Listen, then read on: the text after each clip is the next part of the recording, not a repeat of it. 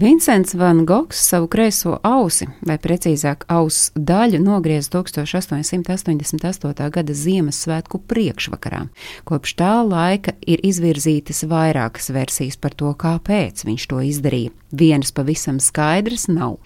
Presi par notikušo vēstīja vien 1888. gada 26. decembrī, tātad trīs dienas pēc auss nogriešanas incidenta. Tas bija rakstīts Parīzes laikrakstā Le Petit Journal. Tur bija publicēta speciāla korespondenta telegramma ar sekojošiem vārdiem.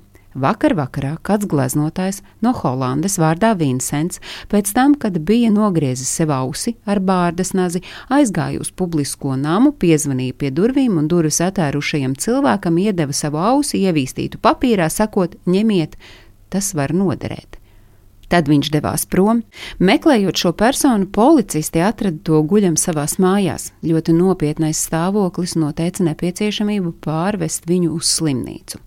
Šī telegrāma Van Goga daļradas pētnieka Martina Bēlija prāt satur virkni vērtīgas informācijas, un visu pirms tā apstiprina versiju, ka mākslinieks izmantojas bārdas nazi, un tas apgāž minējumus, ka Van Gogs ausi varētu nebūt nogriezis pats, bet ka to strīda laikā ar rapieri izdarījis viņa draugs Pols Gogēns.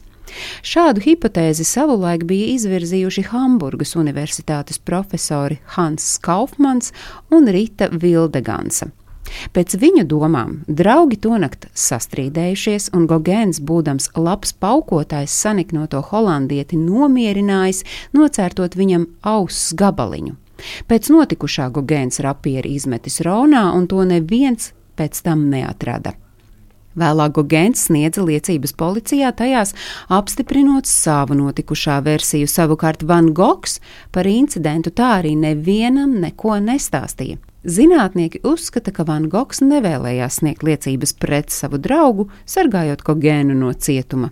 Tāpat pētnieki ir pārliecināti, ka vainas apziņas dēļ Gogēns savu draugu pēc tam vairs nesatika bet slavenās Van Goga gleznas saules puķes savu versiju Gogēns 1901. gadā uzgleznojis mirušā drauga piemiņai. Tikmēr mākslinieka Vincenta van Goga daļradas interprets Martins Bēlīs paliek pie sava, ka mākslinieks nepazaudēja auss ļipiņu, kautiņa vai trakuma lēkmes rezultātā.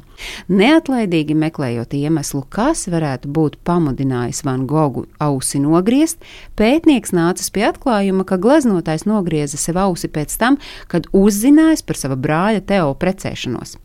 1888. gada 21. decembrī, īsi pirms incidenta, Van Goga māte saņēmusi vēstuli no Teo, kurā tas lūdzis atļauju noslēgt laulību ar savu iecerēto.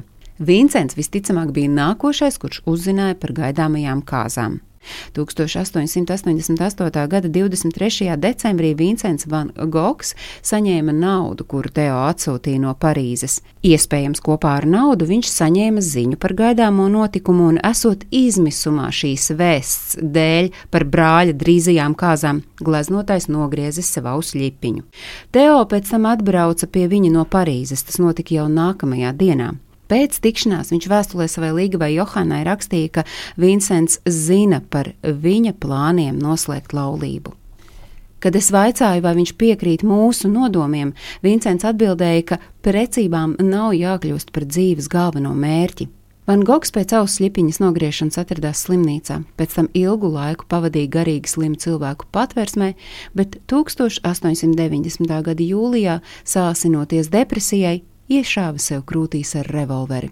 Pēc divām dienām Van Gogs mira, bet viņa brālis Teo pasauli atstāja pēc sešiem mēnešiem. Stāstīja Agnese Drunka.